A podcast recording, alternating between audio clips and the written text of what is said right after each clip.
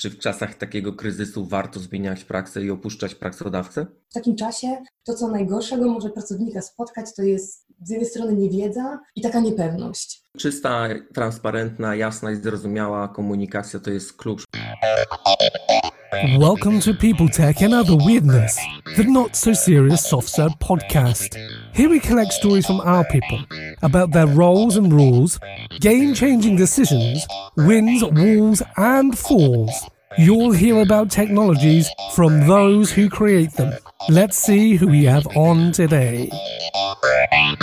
Witamy serdecznie w serii podcastów firmy SoftServe, w których porozmawiamy o IT w czasach kryzysu. Ja nazywam się Paweł Łopatka, jestem dyrektorem zarządzającym firmy SoftServe Poland, a moim gościem jest Monika Bieniek, Talent Operations Manager. Cześć, cześć Monika. Cześć, cześć. Monika, może na sam początek trochę pytań, które moglibyśmy sobie zadać nawzajem. Wolisz Supermana czy Batmana? Mm, Batmana. O, ja wolę Supermana. Dlaczego Batmana? Co, jak byłam dzieckiem, bardzo lubiłam nietoperze, więc takie skojarzenie. A czemu ty wolisz Supermana? Ta eska na klaksie to jednak do mnie przymawia. Słuchaj, Coca-Cola czy Pepsi? Coca-Cola. O, to to samo. Powiem Ci, że dla mnie chyba Pepsi jest za słodka. Y, ja chyba nie widzę różnicy w smaku, ale bardziej mi się podobają reklamy Coca-Coli. No to ostatnie pytanie. Kawa czy herbata? E, herbata.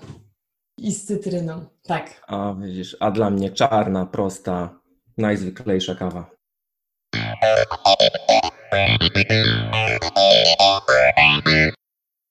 Tematem przewodnim naszej dzisiejszej rozmowy jest IT w czasach kryzysu. Ale zanim w ogóle tam dojdziemy, to ja bym chciał, żebyś troszeczkę opowiedziała, jak to w ogóle się stało, że ty znalazłaś się w IT, no bo ty z wykształcenia jesteś archeologiem. To prawda, to prawda, wszystko się zgadza, przyznaję się do tego. Wiesz co, to był trochę um, przypadek, nie ukrywam, na samym początku. Jak kończyłam studia, e, to rozglądałam się za jakąś taką, e, powiedzmy, poważniejszą pracą i stałą pracą i dostałam propozycję właśnie wejścia do jednej z firm IT, do działu administracji. Z biegiem czasu miałam też zająć się tam rekrutacją. Okazało się, że pracy jest na tyle dużo, te potrzeby rekrutacyjne tak szybko się y, pojawiły, że, że, że, praktycznie od zaraz, y, od samego początku też rekrutacją się zajęłam. No i okazało się, że i samo IT, jak i rekrutacja y, i to, i to wszystko, co jest z rekrutacją związane, to był strzał w dziesiątkę i tak już zostałam. Także to było dobry zbieg okoliczności zrządzenia losu. My to żeśmy się śmiali w biurze, że jak wprowadzaliśmy się do nowego budynku w CU Office i powiedzieli nam, że naprzeciwko nas jest stary cmentarz i jak będą wykopki, to ty rzucisz pracę i pojedziesz tam z tą miotełką odgrzebywać szczątki. Dałbyś mi wolne, nie? Pewnie, ale tylko robisz zdjęcia na Facebooka. E, oczywiście i będę pracować w koszulce z logo SoftServe na wykopie. Monika, y, jak długo pracujesz już w SoftServe? Y, w SoftServe jestem ponad 4 lata. Także kawał czasu za nami razem. To prawda, pamiętam. Pamiętam bardzo dobrze, bo ja w SoftServe jestem od samego początku. Y, można powiedzieć, byłem pierwszym pracownikiem firmy. Miałem przyjemność rozkręcać cały ten biznes w Polsce i skalować firmy od jednej do pięciu lokalizacji. No i teraz mamy dosyć takie, można powiedzieć, spore poletko do, do zabawy tutaj, jeżeli chodzi o obszary IT, tak? Ale mamy też świetnych współpracowników, y, dzięki którym tak naprawdę ta firma stoi mocnym fundamentem. Pewnie, zdecydowanie. Paweł, a wiesz co, y, ja też mam do Ciebie pytanie, bo tyle razy już, wiesz, rozmawialiśmy na różne tematy, gdzieś po drodze do Białego Stoku, do biura, do Warszawy. Jak to się stało, że Ty w ogóle w IT y, pracujesz i, i tutaj jesteś w tej branży? To jest też ciekawa historia. Staram się ją skrócić maksymalnie. W ogóle to miałem być e, inżynierem budownictwa, bo tam się dostałem na studia, ale też dostałem się na informatykę, na Politechnikę Opolską. A na budownictwo dostałem się do Wrocławia. No ale pomyślałem sobie, a to pójdę na tą informatykę. No i tak z tej informatyki po dwóch latach przerwałem studia, wyjechałem do Wielkiej Brytanii. Trochę popracowałem tam fizycznie i stwierdziłem, że jednak praca fizyczna to jest fajna sprawa, ale może niekoniecznie dla mnie. No i sobie zrobiłem reaktywację studiów. Skończyłem studia tutaj, w Polsce, w Wielkiej Brytanii. we Wrocławiu jeszcze jeden kierunek i po moim, można powiedzieć, krótkim epizodzie w BBC Scotland dostałem praksę tutaj we Wrocławiu w Nokia Siemens. No i tak moja historia się potoczyła i można powiedzieć od y, inżyniera przez menadżera do country managera. O. Nie, długa historia, dużo, dużo zwrotów akcji po drodze, słyszę.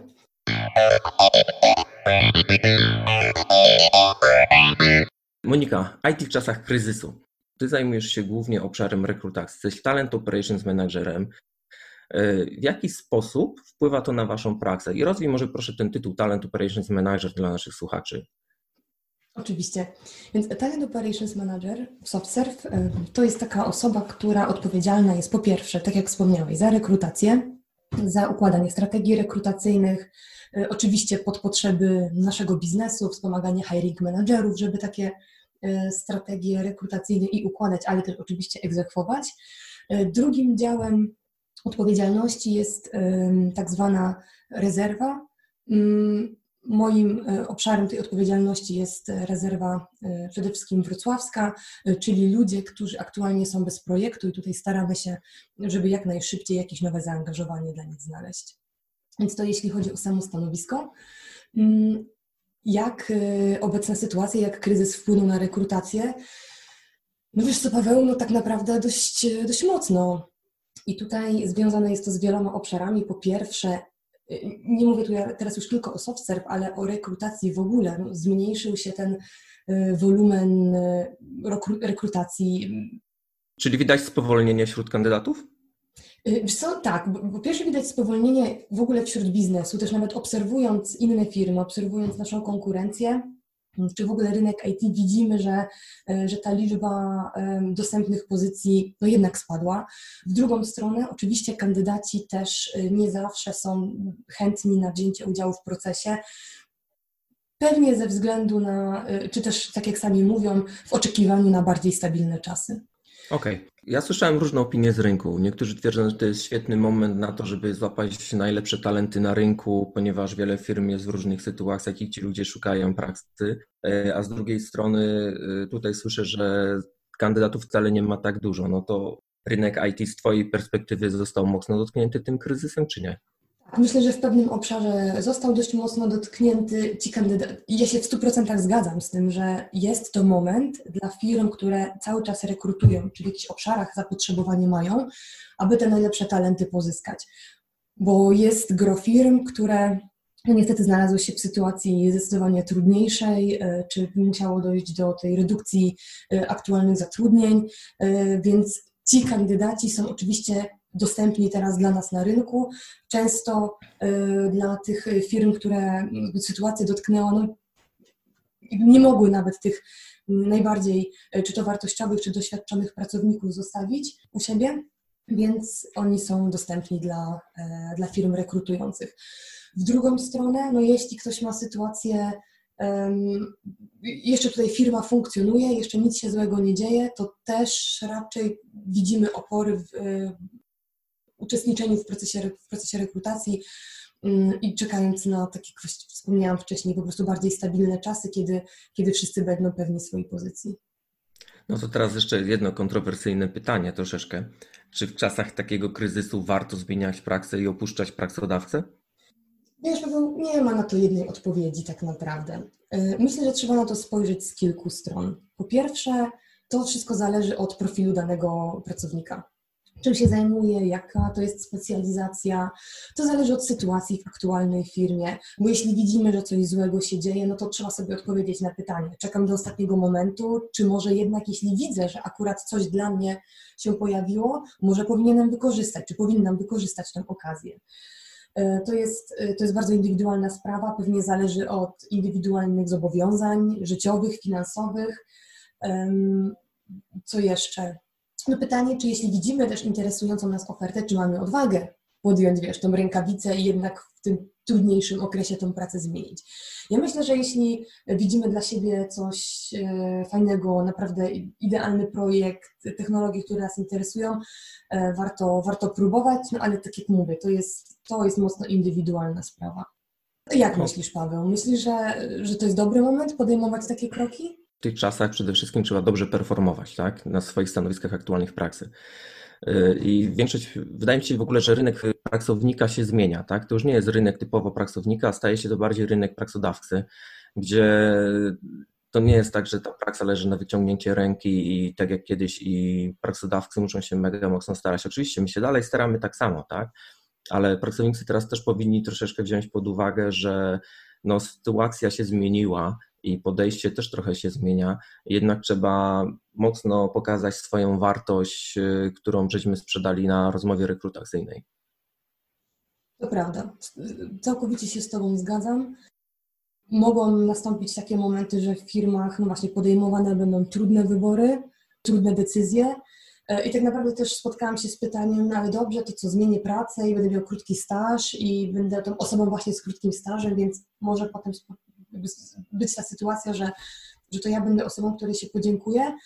co, mm, tak naprawdę to zawsze może być taka, taka sytuacja. Jeśli ktoś, tak jak wspomniałeś, dobrze się sprawdza, fajnie performuje, jest aktywny, to znaczy bierze udział w jakichś dodatkowych też inicjatywach organizowanych przez firmę czy zewnętrznie, promuje markę, myślę, że, że spokojnie można się czuć pewniej w takiej sytuacji, kiedy też dajemy od siebie dużo. Słuchaj Monika, nawiązując dalej do, do, do tego wątku, czy rekrutacja w czasach tego kryzysu, gdzie wszyscy musimy pracować na home office, jest dla Was wyzwaniem? Czy, czy zmieniło się podejście do kandydata? W jaki sposób y, teraz przykładowo mamy rozmowy z kandydatami? Co zmieniło się na plus, a co zmieniło się na minus? Mhm. Myślę, że tym największym minusem to jest ten całkowity brak możliwości spotkania się z kandydatem twarzą w twarz. Nawet jeśli my byśmy bardzo chcieli, kandydat by bardzo chciał. Oczywiście są takie przypadki, że, że ludzie chcą wcześniej zobaczyć biuro, e, przyjechać do nas, poznać się osobiście, sprawdzić, jaki mają dojazd, także e, to jest coś, czego brakuje tam najbardziej. Natomiast sam proces no nie ucierpiał jakoś szczególnie. U nas i tak sporo etapów prowadzonych zawsze było e, przez komunikatory, było prowadzonych zdalnie, więc e, tak naprawdę nie potrzebowaliśmy ani jakiegoś szczególnego dodatkowego czasu, ani jakiejś specjalnej infrastruktury, żeby się e, przestawić na ten nowy tryb. Także u nas wszystko idzie, um, idzie bardzo gładko. Nie mamy tu żadnych problemów z samą zdalną rekrutacją. Okej, bo wiesz, y, nasza firma dosyć szybko przeszła na praksę zdalną, tak? Można powiedzieć w ciągu Noxy, no w ciągu można powiedzieć dwóch dni, bo musieliśmy wydać e, komputery, laptopy pracownikom. E, całe operacje z naszymi klientami, całe operacje wewnątrz firmy przeszły całkowicie w formę digitalową, tak? Jak oceniasz w ogóle, można powiedzieć, zachowanie firmy y, i w ogóle może zachowanie rynku, szczególnie IT software'owego tutaj w czasach właśnie tego kryzysu i ich przejście na praksę zdalną? Powiem Ci, że po pierwsze to była świetna decyzja, po drugie w większości przypadków, o jakich słyszałam, a też y, to, jakie mamy doświadczenia z software z tym związane, y, to była szybka, ekspresowa, bardzo sprawna akcja. I ja jestem naprawdę, jeśli chodzi o software, dumna z tego, że udało nam się E, wiesz, zapadła decyzja, właśnie było zorganizowanie jak najszybciej tego wydania sprzętu. To, za co ja jestem e, bardzo software wdzięczna, to, że mogłam sobie wziąć moje krzesło do domu i dzięki temu mój kręgosłup nie ucierpi aż tak bardzo od siedzenia na kanapie przy komputerze, bo, bo myślę, że większość mieszkań nie jest przystosowana do, e, do takiej pracy w pełnym wymiarze godzin przez cały tydzień, czy właściwie przez kilka miesięcy, tak jak to teraz już trwa. Więc y, tak, podsumowując, to była bardzo, bardzo dobra decyzja i na pewno sprawna akcja. A myślisz, Paweł, że długo jeszcze tak posiedzimy w hmm. domu? Co, no patrząc się na takich wielkich graczy jak y, LinkedIn albo Facebook przykładowo, tak, no oni chyba do końca roku będą mieli praksę zdalną. Y, nasza firma bardzo ostrożnie podchodzi do decyzji powrotu do biura no i mamy plan, w którym powoli fazami, można powiedzieć, planujemy powolne wracanie do biura aczkolwiek będzie to, można powiedzieć, bardzo przemyślane, będą to bardzo przemyślane kroki, gdzie na początku można powiedzieć tylko kluczowe funkcje, które powinny być w biurze będą wracały i można powiedzieć ochotnicy. I na pewno firma zmieni swoje podejście i chyba będziemy bardziej otwarci na teleworking, pracę zdalną i jest wiele dyskusji, które dzieje się w tle na poziomie zarządu, gdzie można powiedzieć, dostosowujemy się do różnych możliwych scenariuszy i jesteśmy naprawdę całkowicie otwarci. Tak naprawdę ten cały kryzys pokazał naszym klientom, jak i również nam, że praca zdalna wcale nie musi być mniej produktywna. My tak naprawdę odnotowaliśmy wzrost produktywności i zostaliśmy w naszym Customer Promotion, promotion Score ocenieni bardzo wysoko. I, I, nie widzimy tutaj zagrożenia w tym momencie, że jeżeli pozwolimy większości nawet pracowników y, pracować zdalnie, to jakość pracy się pogorszy. I z tego, co rozmawiałem z moimi kolegami z branży, mają bardzo podobne doświadczenia u siebie, tak? Więc y, y, powrót będzie, już go planujemy, ale na pewno będzie przemyślany, mądry i krokami. Super, bardzo fajnie. Dobrze to słyszeć, że też e, te plany na następne miesiące już istnieją i że firma o tym myśli, jak Dobra. się zachować. Monika, y, wiesz, sama jesteś liderem zespołu. Ile osób masz teraz u siebie w teamie? Aktualnie mam u siebie 8 e, osób w całym zespole. Czyli jesteś zdecydowanie liderem, liderem zespołu. Z tego co wiem, e, twoi pracownicy bardzo cię cenią i lubią z tobą pracować. Czego tak naprawdę, szczególnie teraz w czasach kryzysu, pracownicy oczekują od lidera, jakim na pewno jesteś? Myślę, Paweł, że najważniejszą sprawą w tym momencie jest komunikacja. I to jest jasna, jasne, są jasne komunikaty, co się aktualnie dzieje, jakie firma podejmuje kroki, jakie decyzje. Jeśli są to decyzje w jakimś stopniu niepokojące, czasem może niepopularne, to dlaczego? Dlaczego jest, odpowiedź na, na to pytanie jest kluczem. To jest, to, to jest tak naprawdę to, czego mój zespół ode mnie oczekuje, żeby być poinformowanym w, takich, w, takim, w takim czasie.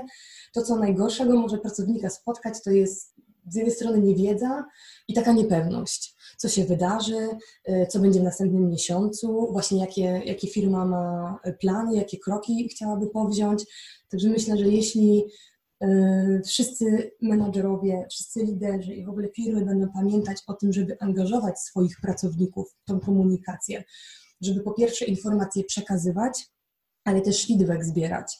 E, też może pracownicy mają jakieś pomysły, chcieliby w jakiś sposób uczestniczyć, kontrybuować, może w powrocie do biura, może właśnie w tych e, planach, które e, po kryzysowe, po kryzysie są, są tworzone, to myślę, że bardzo to docenią i pozwoli im to czuć się pewnie. No pewnie. Zresztą Paweł, wiesz, myślę, że podobnie jest też ze mną, bo ja, ja mimo tego, że tak, jestem liderem zespołu, to też mam swoich liderów, menadżerów y, i ja bardzo cenię sobie to, że czy z Tobą, y, czy z Agnieszką y, mamy bardzo jasną i transparentną komunikację i, i tak naprawdę wszystkie rzeczy, które mnie dotyczą albo dotyczą firmy, od Was wiem w odpowiednim czasie, więc to też pozwala mi, mi czuć się pewnie i też przekazywać te informacje zespołowi. No, zawsze to, ten przykład i informacje idą z góry. Dokładnie. Ja myślę, że czysta, transparentna, jasna i zrozumiała komunikacja to jest klucz w ogóle do, do dobrych relacji ze wszystkimi naokoło, tak? Tak, ja się w 100% zgadzam.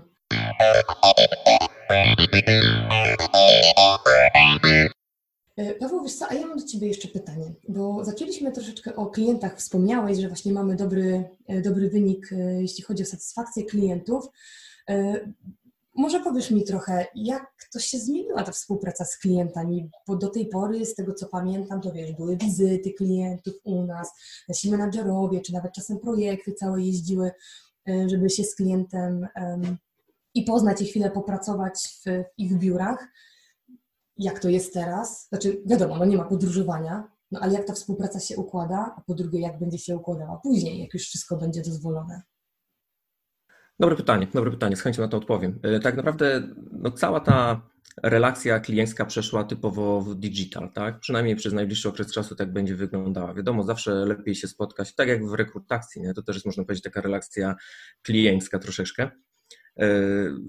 Lepiej spotkać się face to face, ale w obecnych czasach mamy bardzo dużo rozmów telefonicznych, konferencji, robimy zdalne discovery, y, robimy zdalne pre-salesy, całe procesy tutaj i, i wszystko idzie tak naprawdę do przodu, tak? Y, można powiedzieć, że mamy nowych klientów, którzy tak naprawdę dołączyli nawet w tych czasach do nas.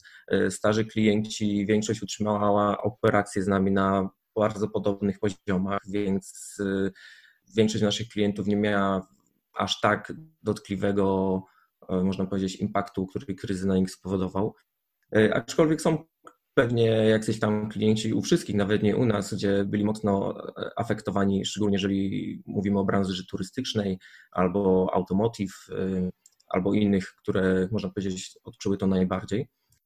Mocno rozwinął nam się biznes w obszarze APAC, gdzie nasz kolega Paweł Panowicz drive'uje operację razem z Oleksiem i mamy tam kilku nowych klientów, z którymi teraz można powiedzieć zaczynamy nowe projekty. Idziemy do przodu, na pewno, tak? Na pewno klienci są bardziej ostrożni y, w, można powiedzieć, w wydawaniu decyzji dotyczących nowych projektów, ponieważ każdy czeka, co będzie za tydzień, dwa, miesiąc, pół roku, ale branża, w której pracujemy, jest taka, a nie inna. Digitalizacja musi iść do przodu i szczególnie w tych czasach pokazało, że kto ma dobrze rozwinięty, nie wiem, firmy, które można powiedzieć nie poszły tak mocno w te obszary, no, uderzył je, można powiedzieć, sytuacja uderzyła je najbardziej. Tak, właśnie y, słyszałam, że, że tutaj mocno y, dalej tych naszych klientów nowych rozwijamy i, i APAC się, y, się mocno dzieje. Powiem Ci, że my w rekrutacji to trzymamy kciuki i już przebieramy nogami na nowe wakaty, także bardzo, bardzo czekamy, żeby tutaj właśnie też więcej się y, od takiej aktywnej rekrutacji jeszcze zadziało. Także super. A wiesz co, jeszcze mam jedno pytanie, bo E, tak, no właśnie, kryzys dotknął, dotknął te firmy, e, różne branże. A powiedz mi, czy myślisz, że w ogóle dało się na to jakoś przygotować? Że w ogóle dało się, no nie mówię, że przewidzieć koronawirusa, bo to jest raczej, no myślę, że tutaj mamy, od, odpowiedź jest dość jasna, ale, ale czy w ogóle na ten kryzys jakoś, e, jakoś można było być gotowym? Powiem tak, no, wszystkie firmy, zarządy firm robią plany strategiczne, które uwzględniają ryzyko, pewną część ryzyka, tak? Wydaje mi się, że nikt nie uwzględnił ryzyka, że wystąpi pandemia na całym świecie. I no tak. można powiedzieć, że po części byliśmy na to przygotowani, bo można powiedzieć, w ciągu nocy przeszliśmy na praksę zdalną, tak? Czyli inwestycja przez wcześniejsze lata w mocną infrastrukturę, porządne narzędzia komunikacji, y, online'ową, można powiedzieć, dostępność naszych pracowników i wiele innych rozwiązań, które e, nasza firma przedsięwzięła przez ostatnie lata, na pewno się opłaciła, tak? Więc y, może nie myśląc o tym, że ten kryzys nastąpi, podświadomie byliśmy na to gotowi. Pewnie można było być gotowym lepiej, bardziej, ale z drugiej strony, no tego nikt się nie spodziewał, tak? Wydaje mi się, że teraz y, większość firm będzie brała już takie scenariusze pod uwagę i firmy będą bardziej rozważnie podejmowały wiele różnych decyzji, które na pewno też y, polepszą w przyszłości szybką reakcję na takiego typu zagrożenia. Mhm. No tak, pewnie łatwiej było na pewno dostosować się firmom, które y, albo już po części właśnie takie, takie rozwiązania były wprowadzone, może są bardziej elastyczne. A w ogóle jak myślisz, kto miał trudniejszą sytuację? Duże firmy outsourcingowe, czy jakieś może mniejsze software house'y? To wszystko zależy od bazy klientów, jakie te firmy miały, tak? I jak duzi ci klienci byli. Wydaje mi się, że pod względem wielkości to duzi pewnie lepiej zareagowali na ten kryzys, ale tutaj tak naprawdę nie można generalizować tak naprawdę, ponieważ to wszystko zależy od bazy klienckiej, jaką te firmy miały. Mhm. No właśnie, chyba ta dywersyfikacja tutaj tych klientów jest dość mocno kluczowa, bo jeśli ktoś miał, nie wiem, kluczowego albo jedynego klienta, firmę z branży turystycznej i jeszcze z jakichś regionów, które mogły być tutaj mocniej, mogły, mocniej, mogły mocniej odczuć kryzys, to chyba to była no, zdecydowanie najtrudniejsza z sytuacji. Tak, i my mocno trzymamy, można powiedzieć, kciuki za każdą firmę, bo nikt nikomu tutaj źle nie życzy i Oczywiście. Nie ma na pewno żadnych takich dziwnych e, akcji na, na rynku pracy, które powodują, że inne firmy będą miały jeszcze podgórkę, nie? więc mocno tutaj kibicujemy. I, I, też można powiedzieć, dobre insighty rynkowe mamy od naszych partnerów. Tak? E, mocno współpracujemy z ABSL-em, z ProProgressio, z CBRI, e, również też mocno będziemy współpracować niedługo z SODOM i właśnie te organizacje też robią świetne webinary oraz raporty rynkowe, które można powiedzieć odzwierciedlają sytuację na rynku, tak? I to też pokazuje nam insight, można powiedzieć, od innych tutaj graczy, y, w jaki sposób oni sobie radzą. Też dzielimy się swoimi informacjami, więc ta informacja jest dosyć mocno wyrównana i rozpowszechniona na rynku. Super, bardzo fajnie, że, że tutaj nie ma jakiejś niezdrowej konkurencji, tylko rzeczywiście firmy, kiedy przychodzi trudna sytuacja, są w stanie się wspierać. A wiesz co, taka jeszcze jedna rzecz przyszła do głowy, która jest y, całkiem fajnym zachowaniem ze strony rynku i po pierwsze firm, a po drugie, po drugie też portali, gdzie do tej pory można było właśnie ogłoszenia y, o pracę wrzucać i, i, i się promować. E, to też e, taka baza dostępnych kandydatów. E, czyli w drugą stronę, nie tylko wiesz, wrzucamy ogłoszenie i ludzie aplikują, ale są też promowane poszczególne kompetencje, ludzie, którzy, których sytuacja w firmie może być niepewna e, w najbliższym czasie i są aktywnie promowani firmom, które takich kompetencji potrzebują, żeby tutaj też zabezpieczyć pracownika, żeby e, ta ciągłość zatrudnienia była no, jak, naj, jak najbardziej nieprzerwana. Dokładnie. I z tego co wiem, to ty też masz taką strategię, że najpierw bierzesz kandydatów z jakichś tych właśnie ogólnych baz danych, które wiesz, że osoby są teraz zagrożone, bo nie mają praksy. No i tak naprawdę kryzys i też strategia naszej firmy, żeby w ten sposób pomagać rynkowi y, bardziej taki etyczny też, tak? Oczywiście, jak najbardziej też chcemy w taki sposób wspomagać i wspierać.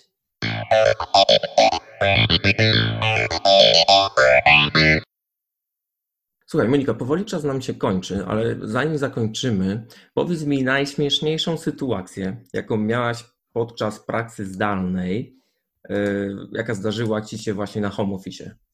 Najśmieszniejszą?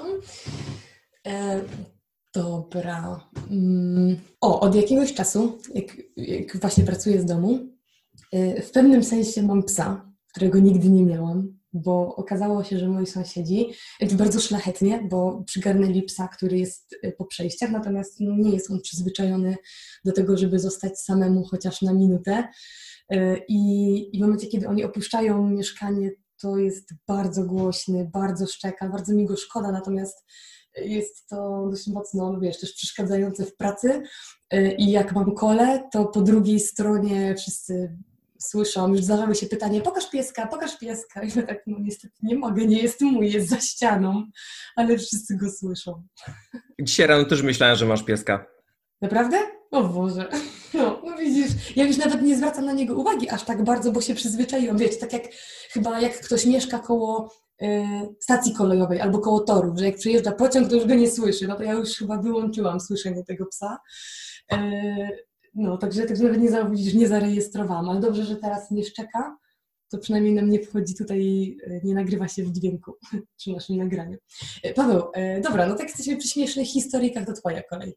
Ja mam same śmieszne historie, można powiedzieć, z moimi dziećmi, ponieważ pracuję z domu, mam dwójkę małych szkrabów. Naprawdę stara się ogarnąć, żeby one mi nie przeszkadzały, ale można powiedzieć, podchody i metody wejścia do ojca do gabinetu są niesamowite. A najśmieszniejszą była opcja, kiedy rozmawiałem sobie tutaj z kolegami z zarządu i mój syn sobie wparował w samym pampercie i zaczął skakać z tyłu po kanapie.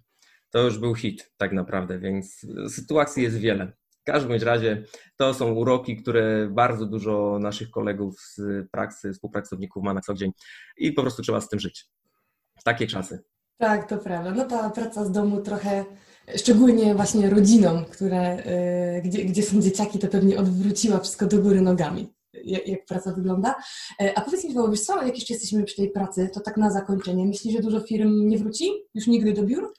Na pewno są firmy, które już wiemy, że ogłosiły, że nie wracają e, w ogóle do biur i będą całkowicie pracowały zdalnie. Jest to częścią ich strategii. Zobaczyły, że ich klienci są ok z pracą zdalną, więc w ten sposób też chcą umożliwić raz pracownikom bardziej elastyczny typ pracy, dwa pewnie ograniczyć koszty związane z biurami, tak?